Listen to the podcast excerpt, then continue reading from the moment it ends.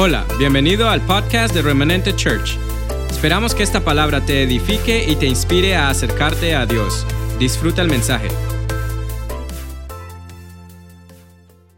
Bueno, nos vamos directamente a la palabra entonces. Ok, hace seis semanas, cuando todo esto sucedió, hace seis semanas, cuando todo esto sucedió, las normas que se tomaron para poder contrarrestar este virus eh, fueron normas inesperadas. Ninguno de nosotros podía decir o pudo haber planeado o pudo haberse imaginado quizás el tipo de normas que el gobierno ha tomado para poder contrarrestar esto, ¿verdad? Eh, los cambios que hemos vivido son cambios casi que de película.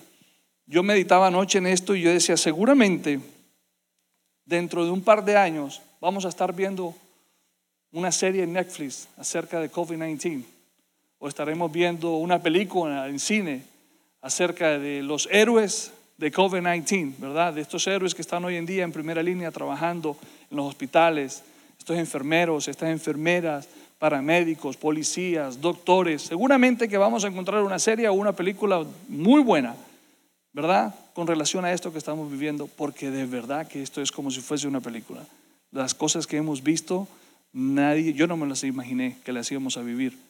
He visto películas y muchas, y, he visto cosas parecidas en las películas de lo que he estado viviendo, ¿verdad? Ahora,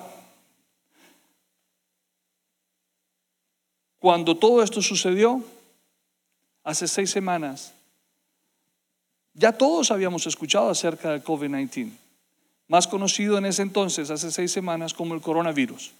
En China ya se escuchaban en las noticias, en China se escuchaba del coronavirus a principios del mes de enero, pero lo veíamos como algo muy lejano, remoto, sucediendo allá en China, en un pequeño sector de China, en fin. No nos imaginábamos que iba a tener el alcance que esto ha tenido, pero desconocido no era, no era desconocido. Pero aún así, yo creo, yo creo que todos podemos decir lo siguiente. Yo creo que todos podemos decir, yo no me lo esperaba así. Y ese es el título que quiero compartirte en esta mañana, de la palabra que Dios me ha regalado para compartir contigo. Yo no me lo esperaba así, ¿verdad? Yo creo que nadie se lo esperaba así. De esta manera, no. Entonces, con ese título en mente, les quiero hablar de un personaje en la Biblia que todos conocemos muy bien, se llama Saulo de Tarso. Es el apóstol Pablo. Pero no voy a hablar del apóstol Pablo que todos conocemos. Quiero hablar de Saulo de Tarso. Cuando Saulo de Tarso tuvo ese encuentro con el Señor. Y quiero que me acompañen, por favor. Pero antes de ir a la palabra, perdón, quiero hacer una pequeña introducción de quién era Saulo de Tarso, para que entendamos el contexto, de dónde venía Saulo y lo que Saulo estaba haciendo. ¿Y por qué sucede sobre la vida de Saulo lo que sucede? Saulo nació en medio de una familia muy acomodada. Muy acomodada quiere decir de bien. En una familia cómoda en bienes, en dinero, una familia estudiada, estudiada, preparada. Y él nació en medio de esta familia. Era una familia de judíos fariseos, ¿verdad? Pero ellos poseían, como una de las características de la familia de Saulo, ellos poseían la ciudadanía romana. Es importante esto. De niño, él hizo los estudios habituales en la comunidad hebraica y luego, ya siendo un poquito mayor, fue enviado a Jerusalén para continuar los estudios acerca de la ley, de la palabra, en la escuela de los mejores doctores de la, escuela, de, la, de la teología, de doctores de la ley, especialmente del famoso rabino Gamaliel. Ahí estuvo Saulo. La historia cuenta que él estuvo aprendiendo a los pies de Gamaliel. Recibió de esa manera una formación teológica bastante sólida. También era filósofo, era entendido en leyes, era entendido en los negocios, ¿verdad? Una formación jurídica y mercantil también recibió el hombre. O sea, sabía teología, sabía filosofía, era entendido en las leyes y también muy diestro en los negocios. Ahora, un detalle de Saulo, muy particular, dominaba el griego, el latín, el hebreo y el arameo. cuatro idiomas. Como dicen en Colombia, estaba más preparado que un yogur el hombre. Muy bien preparado estaba este señor, ¿verdad? De acuerdo ahora con la educación que Pablo había recibido, él practicaba de forma muy rígida, muy rígido, él era muy rígido con lo que él, como él había sido formado y levantado, él era muy rígido con las tradiciones farisaicas. En otras palabras, más sencillo para explicar, era un enemigo número uno del cristianismo. Él consideraba en ese entonces que el cristianismo era una secta del judaísmo. Ese era Saulo de Tarso. ¿Ok? Una pequeña introducción acerca de la vida de Saulo desde su niñez hasta el momento en el que vamos aquí a retomar la palabra y a estudiar. Rápidamente, por favor, acompáñenme a Hechos, capítulo 9. Vamos a ir leyendo la historia. Y los primeros dos versículos que vamos a leer son el 1 y el 2, y de ahí vamos a seguir adelante leyendo toda la historia. Pero quiero que me acompañen. Yo voy a ir leyendo y voy a ir eh, compartiendo con ustedes. Quiero que por favor, como siempre se los pido, lo hagan de igual manera conmigo. Te pido por favor que no te dejes distraer. Te prometo que no me voy a demorar más de 25 minutos, ¿verdad? Pero eh, esto, esta historia es muy rica, muy enriquecedora y, es algo que el Señor puso en mi corazón para compartir en esta mañana y sé que el Señor va a hacer grandes cosas a través de esta palabra. Hechos 9, capítulo 9, versículo 1. Mientras tanto, Saulo, respirando aún amenazas de, de muerte contra los discípulos del Señor, se presentó al sumo sacerdote y le pidió cartas de extradición para las sinagogas de Damasco. Tenía la intención de encontrar y llevarse presos a Jerusalén a todos los que pertenecieran al camino, fueran hombres o mujeres. ¿Qué quiere decir esto? ¿Qué entiendo yo aquí? Yo entiendo que cuando dice respirando amenazas de, muerte, el respirar amenazas de muerte era prácticamente su día a día, ese era su trabajo, ese era lo que él, lo que él vivía en ese entonces como su llamado, era parte de su vida, era lo más normal para él. Él estaba bajo la convicción de que estaba haciendo lo correcto, no solamente delante de los hombres y la ley, sino aún delante de Dios. Por eso para él el respirar estas amenazas de muerte contra, contra los cristianos era lo normal. Él estaba haciendo según lo que él entendía y como había sido estructurado, como había sido levantado y estructurado, formado, estructuralmente hablando, él estaba haciéndolo lo correcto. ¿Verdad? Ahora dice, dice él, que él le solicitó al sacerdote una orden de extradición para ir a Damasco y traer a todos aquellos que pertenecían al camino. ¿Qué quiere decir esto aquí? En ese entonces, el cristianismo era mejor conocido bajo el nombre de El Camino. Todos aquellos que eran cristianos en ese entonces se conocían como las personas que pertenecían al camino. Por eso está así escrito en la palabra. Pero cuando yo leo órdenes de extradición, si ustedes se ponen a pensar, las órdenes de extradición hoy en día son las que da la ley para ir a traer a un criminal a otro país, ¿verdad? Para ir a traer un criminal a otro y juzgarlo en el país donde fue expedida la orden de extradición.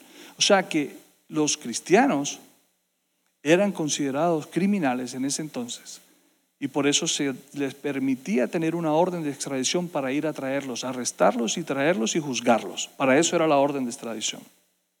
¿Ok? En Hechos 9.3 dice, en el viaje sucedió que al acercarse a Damasco, que era donde él iba a entrar a buscar a la gente, una luz del cielo relampagueó de repente a su alrededor.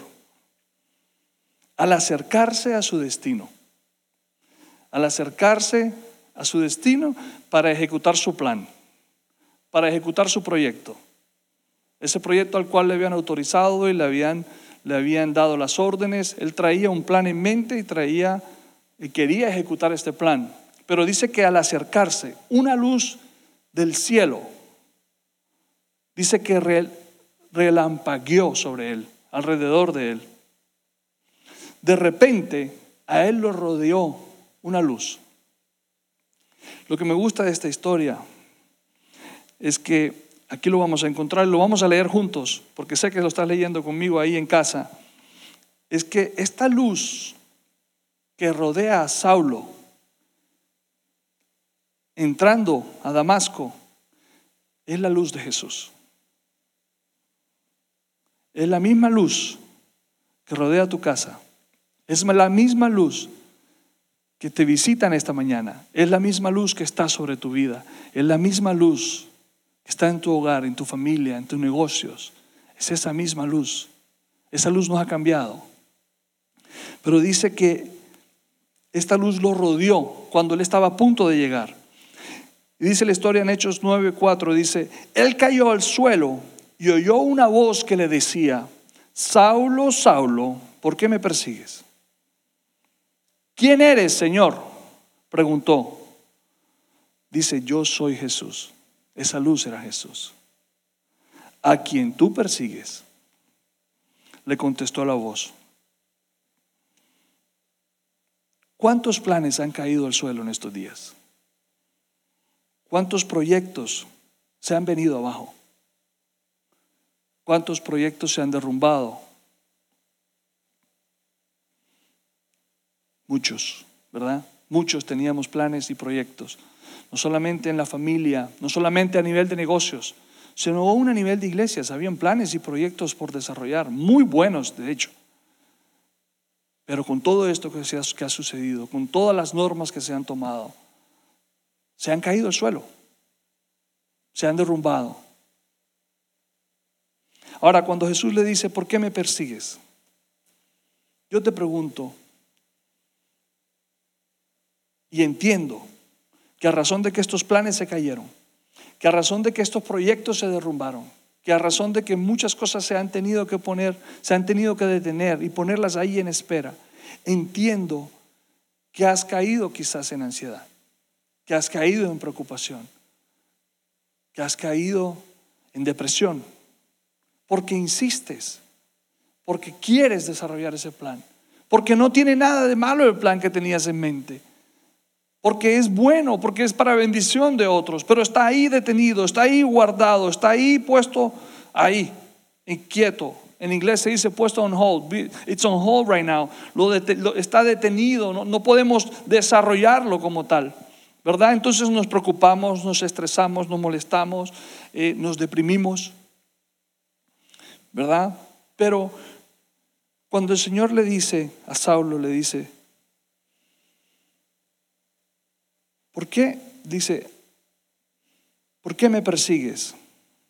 Yo te diría que yo puedo ver al Señor decirte, ¿por qué insistes en hacer lo que quieres? Tus planes, tus anhelos, tus proyectos, tus intenciones, tu vida. No, es mi vida. ¿Por qué es mi vida? Porque yo decido conmigo y con mi cuerpo lo que yo quiero, lo que, porque es mío, porque son mis formas, porque es mi manera. Es mi manera de levantar mi familia, es mi manera de hacer mi negocio, es mi manera de hacer iglesia, es mi manera de hacer las cosas. ¿Por qué insistes en hacerlo a tu manera? ¿Por qué insistes en llevar a cabo las cosas de una forma en la que no te convienen? De una forma en la que yo no he planeado con tu vida. Te podría decir el Señor eso. Yo no he planeado esto con tu vida, ¿por qué insistes en hacerlo de esa manera? Fue tal la experiencia de Saulo que cuando escuchó la voz del, que le hablaba, se rindió. Era un hombre entendido en gobierno. Y en el momento en que escucha esta voz, inmediatamente él se rinde y pregunta, ¿quién eres, Señor? Esa pregunta, ¿quién eres, Señor? Es, me rindo ante ti, estoy rendido ante ti. ¿Quién eres, Señor? Él reconoció autoridad en ese momento. ¿Hemos tú y yo en un momento dado reconocido la autoridad de Dios en nuestras vidas en este tiempo?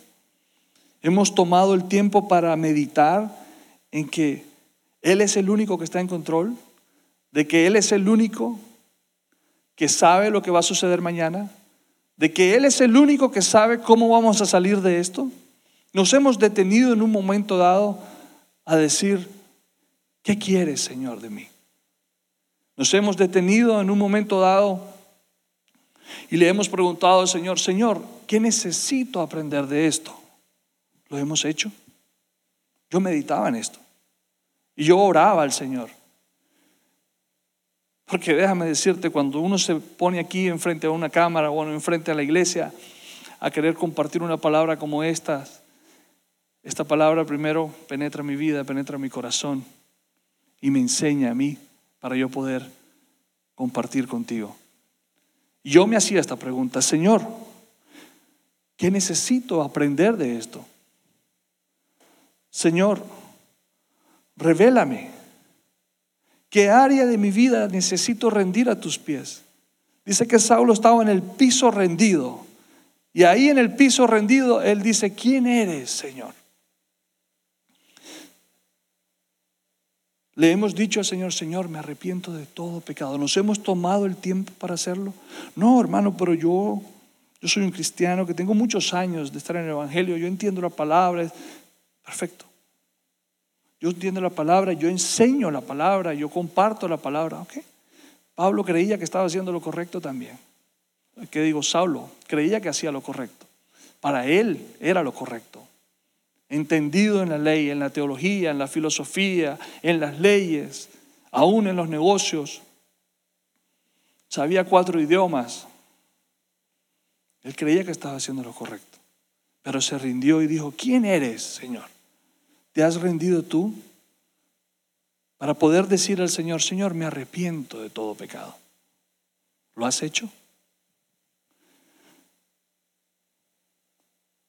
Hemos orado al Señor para inquirir que en su presencia, lo hemos hecho, para inquirir que en su presencia nos revele su reino. Le hemos pedido, Señor, que nos revele su propósito con todo esto. Su propósito de vida para con nosotros. Porque quiero decirte algo. Hace varios años ya he entendido y he aprendido que el plan de Dios es uno. Que Dios no tiene plan B ni plan C que el plan de Dios, el plan A de Dios es el mejor de todos. Y es el propósito de Él, el propósito de vida que Dios tiene para contigo y para conmigo. Ese es el mejor plan para nosotros.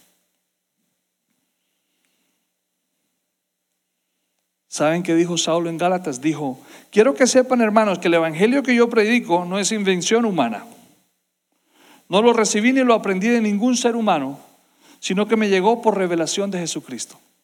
Él reconoció que fue por revelación de Jesús en ese momento que él verdaderamente fue impartido en el Evangelio.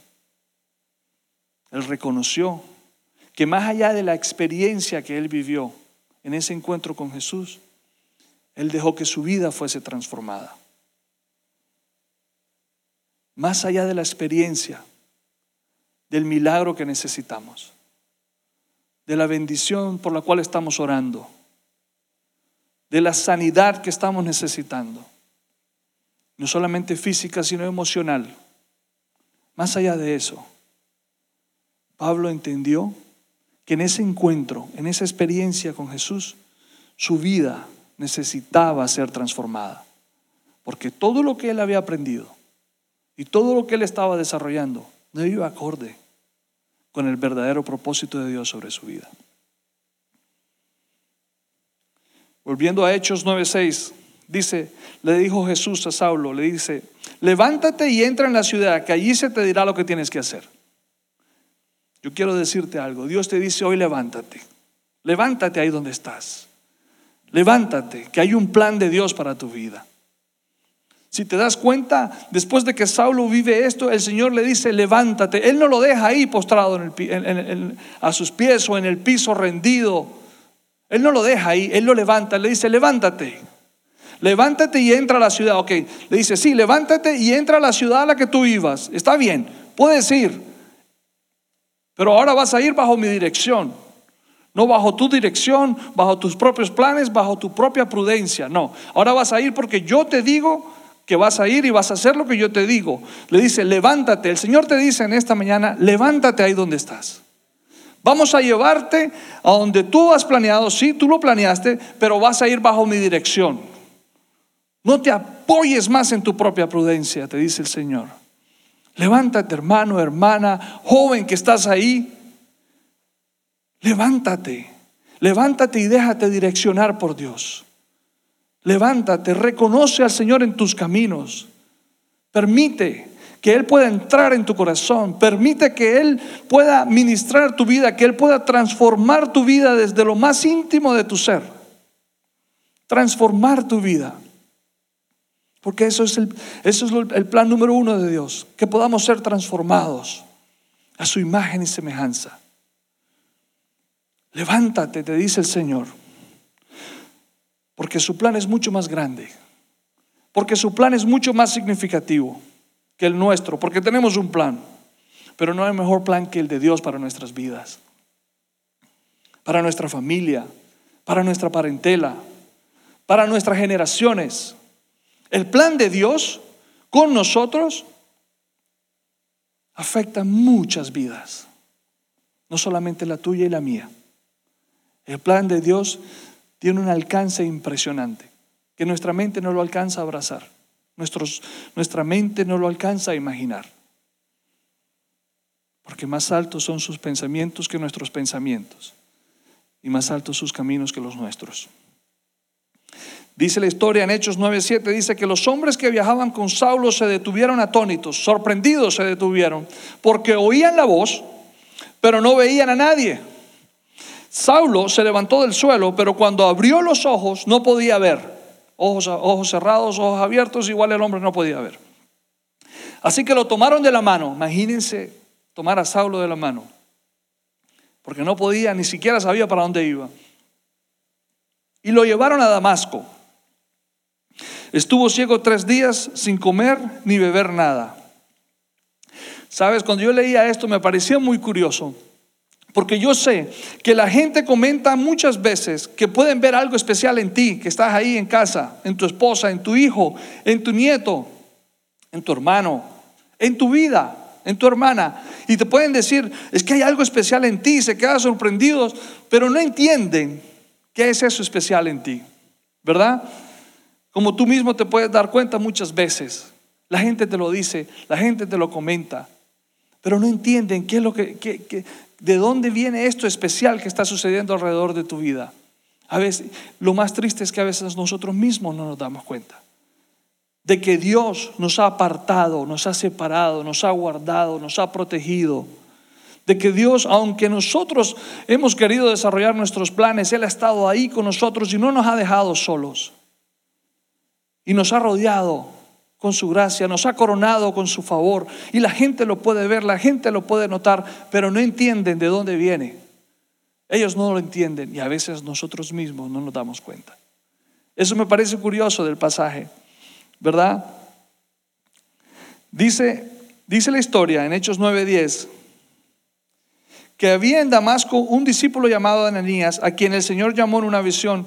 Le dijo, Ananías. Y Ananías contestó, aquí estoy, Señor. Un discípulo, ahí no dice que es un maestro, ahí no dice que es un profeta, ahí no dice que es un apóstol, ahí no dice que es un doctor en la ley, dice un discípulo. Una persona como tú y como yo, que venimos y estamos en la iglesia y escuchamos y leemos la palabra. Un discípulo del Señor. Llamó al Señor. Así que no te tengas por menos. No, hermano, lo que pasa es que yo...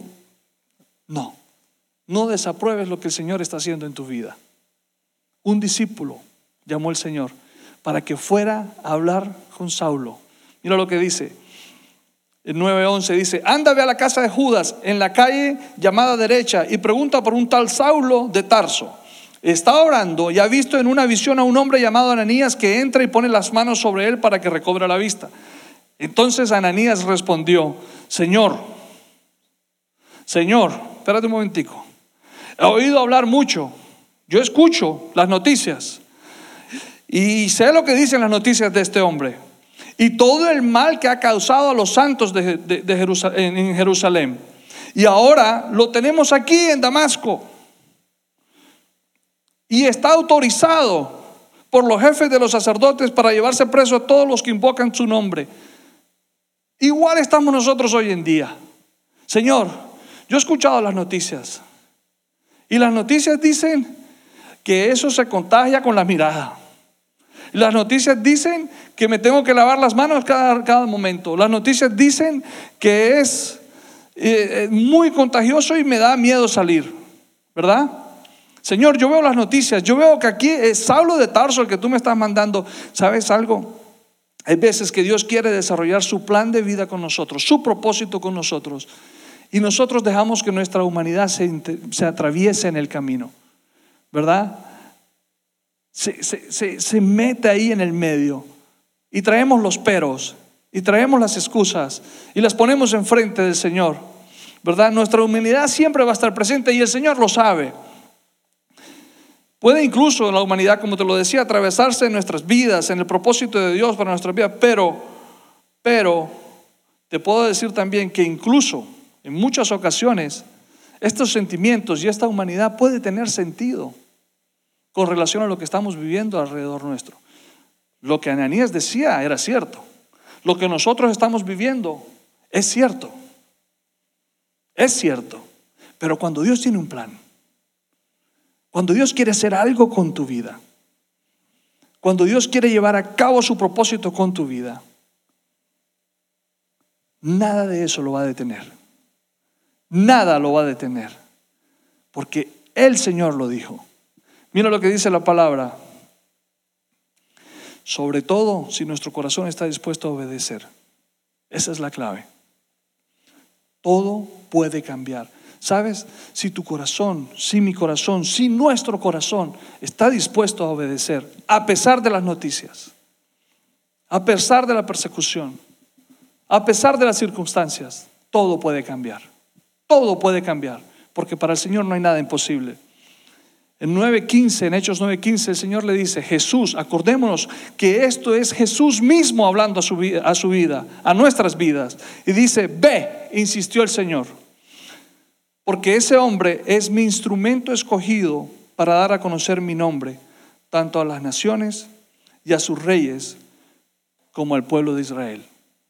Ese, es, ese era el plan que Dios tenía con Saulo de Tarso.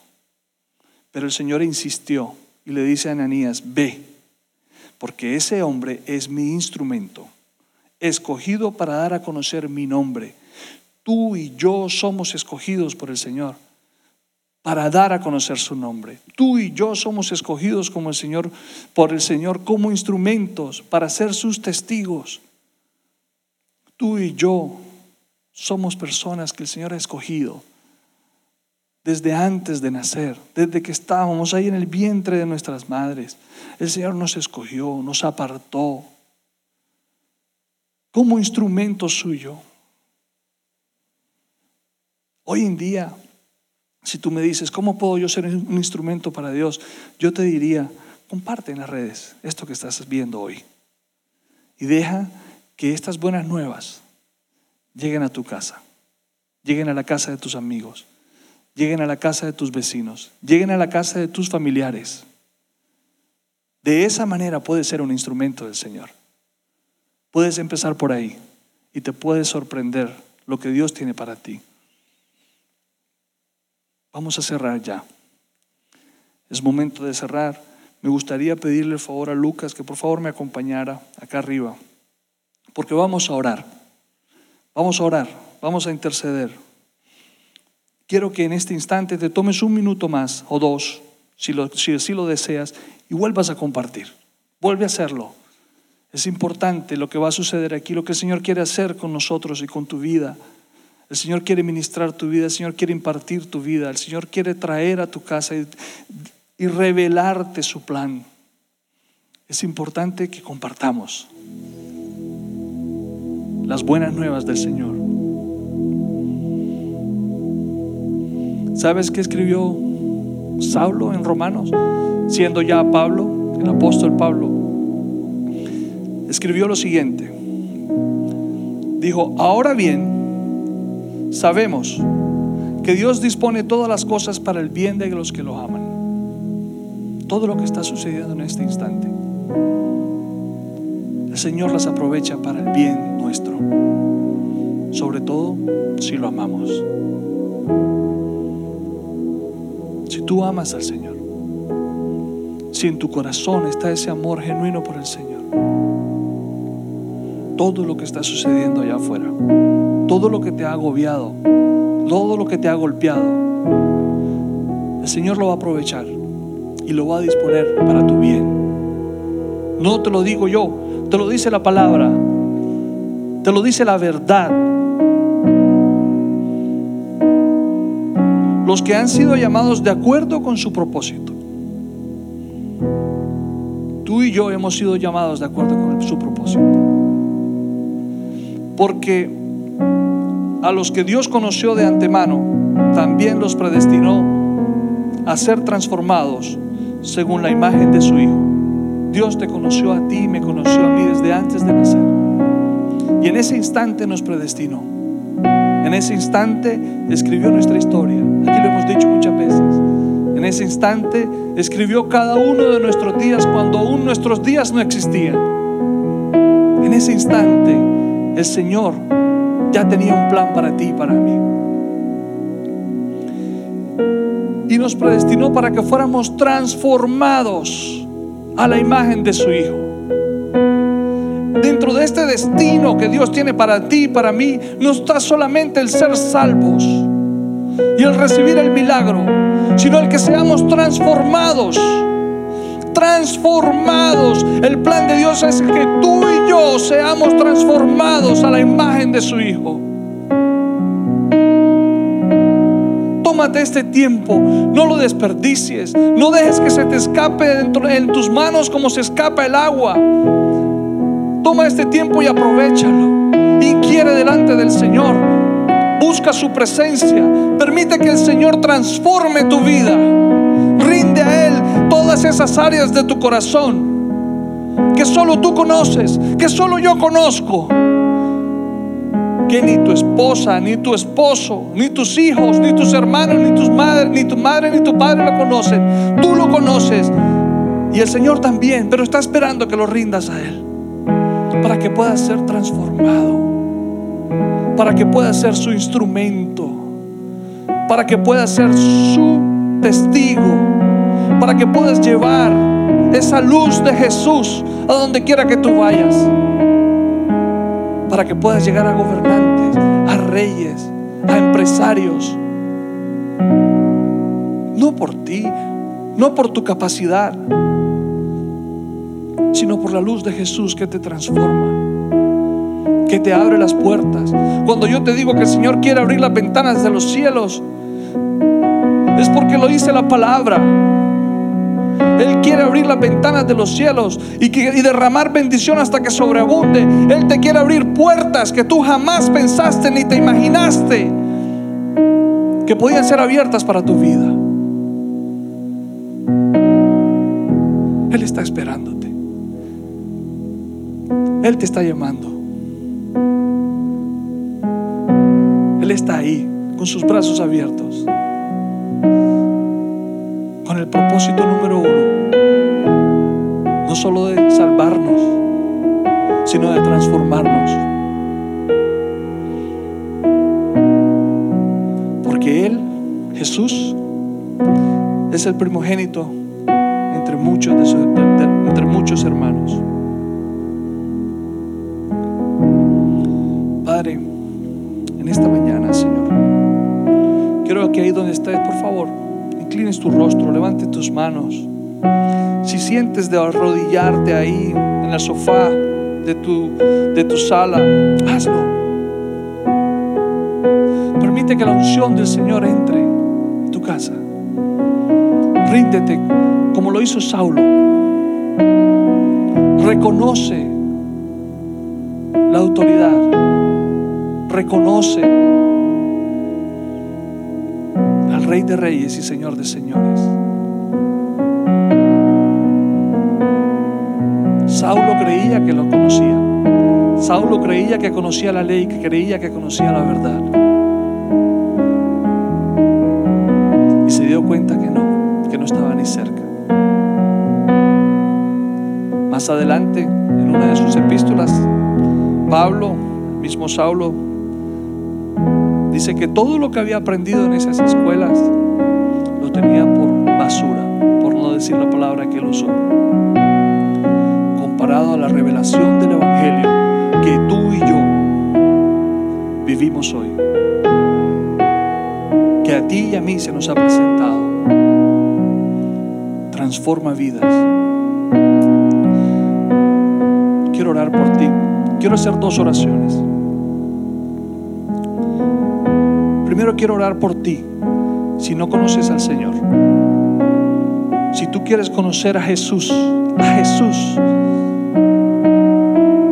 como lo conoció Saulo, quiero orar por ti. Quiero que repitas conmigo una oración muy sencilla, pero que va a transformar tu vida, que va a marcar un antes y un después, que te va a abrir la puerta más grande que jamás te imaginaste que se podía abrir. Conmigo. Dice, Señor Jesús, en esta hora, yo reconozco que he pecado contra ti, contra el cielo, contra los hombres. Te pido, Señor, que me perdones. Te pido, Señor, que te conviertas en el Señor de mi vida. Te pido, Señor, que, que escribas mi nombre en el libro de la vida. Te pido, Señor, en esta mañana, que el propósito de vida por el cual tú me creaste se cumpla en mi vida. Te pido, Señor, que yo pueda ser también tu testigo. Si tú has hecho esa oración, aquí, si estuvieras aquí, te pidiera que por favor levantaras la mano para celebrarte. Pero aquí, en los comentarios, ponme un dedito así. Que yo voy a orar por ti, mi familia va a orar por ti, remanente va a orar por ti, para que el Señor abra el camino delante de ti, abra los ojos del entendimiento de tu vida, para que tú puedas llegar, para que tú puedas cumplir el plan de Dios sobre tu vida. Compártemelo, compártemelo. Ahora quiero orar.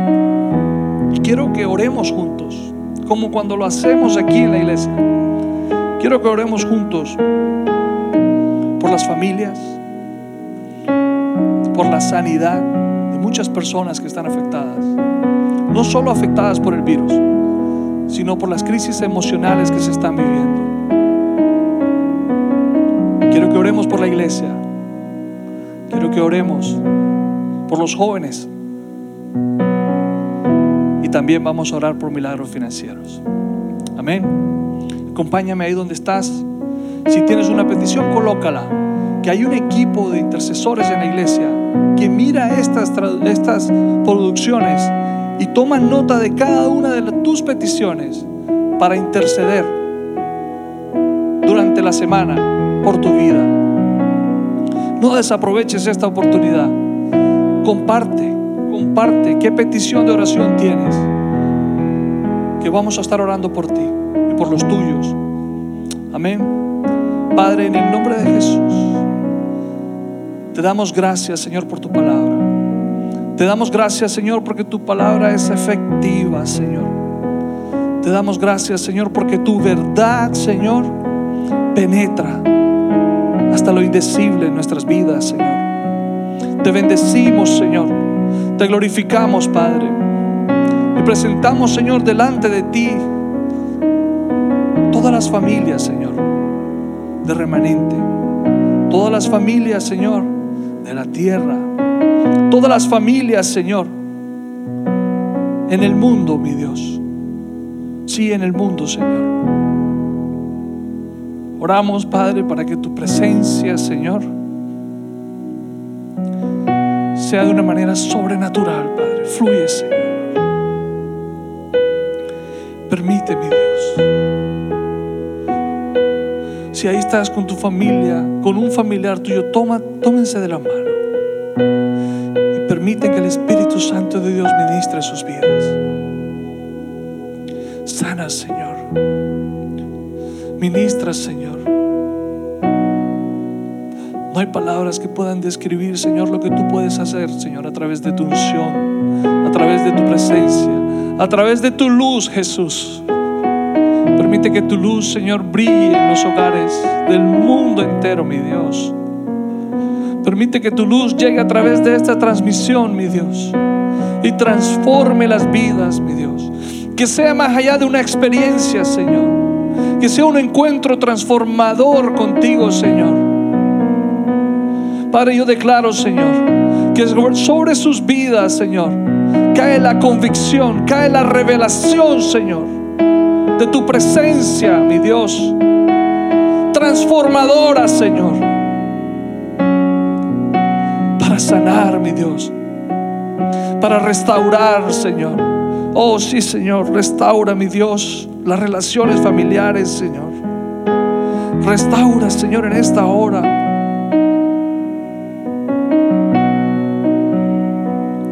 Sabes, era necesario que estuvieses en casa todos estos días con tu familia para poder ser restaurados, te dice el Señor. Permite, permite que la verdad de la palabra transforme tu vida y te restaure. Porque no hay restauración sin santidad, no hay restauración sin separación. Y eso ha hecho el Señor con tu vida, te ha separado para Él. Y te está restaurando en esta hora. Padre, yo declaro en el nombre de Jesús la ley de la restitución, Señor. Porque después de la restauración viene la restitución sobre tu vida. Y te será devuelto siete veces más lo que el enemigo te robó.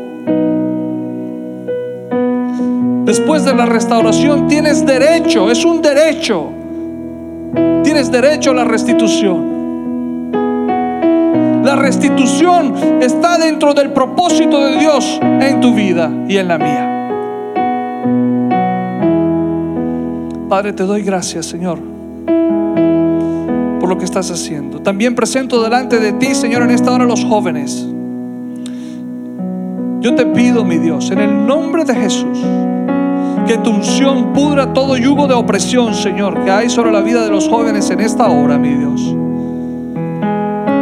Esa opresión, ese dolor, Señor, en el pecho ese sentimiento que se les acorta la respiración, yo declaro en el nombre de Jesús que eres completamente libre en esta hora.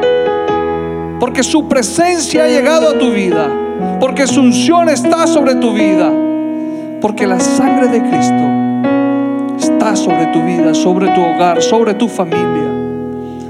Porque así lo ha querido el Señor. Eres libre de todo yugo de opresión, joven. Yo reprendo todo espíritu de depresión. Yo reprendo toda ansiedad. Yo reprendo toda mentira del enemigo. Desecha todo pensamiento que te destruye. En el nombre de Jesús. Oramos por los niños, Señor. Sí, los niños. Porque también, Señor, sufren ansiedad, pero no lo pueden explicar no tienen culpa, Señor. Te oro por los niños en esta hora, mi Dios. Que tu amor, Señor, sea un bálsamo de tu amor sobre sus vidas. Que seas tú levantándolos, Señor. Trayendo a ellos la alegría, Señor. La alegría en sus ojos, en su sonrisa. Yo te pido, Señor, que tu amor, Señor, sea reflejado, Señor, en sus corazones en lo más profundo de su corazón, para que en sus, ojos, Señor, esté tu luz, Jesús. Y que tu alegría, Señor, sea manifiesta en nuestras vidas y en nuestros hogares a través de los niños, Señor. Porque a ellos les pertenece tu reino,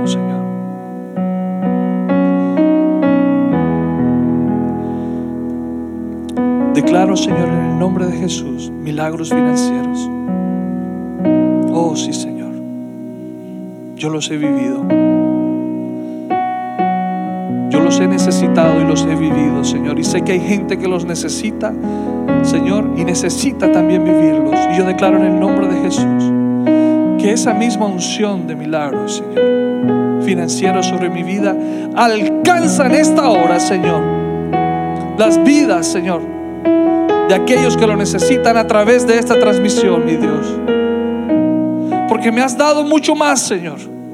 Mucho más de lo que jamás yo me pude imaginar, Señor. Y tu palabra dice que demos por gracia lo que por gracia hemos recibido. Y yo en esta hora, Señor, yo declaro unción de milagros financieros, Señor. Sobre la vida de esas familias que más lo necesitan, mi Dios. Fluye, Señor. Unge, Señor. Bendice, Señor. Yo declaro que las ventanas de los cielos son abiertas y que tu bendición sobreabunde, Señor.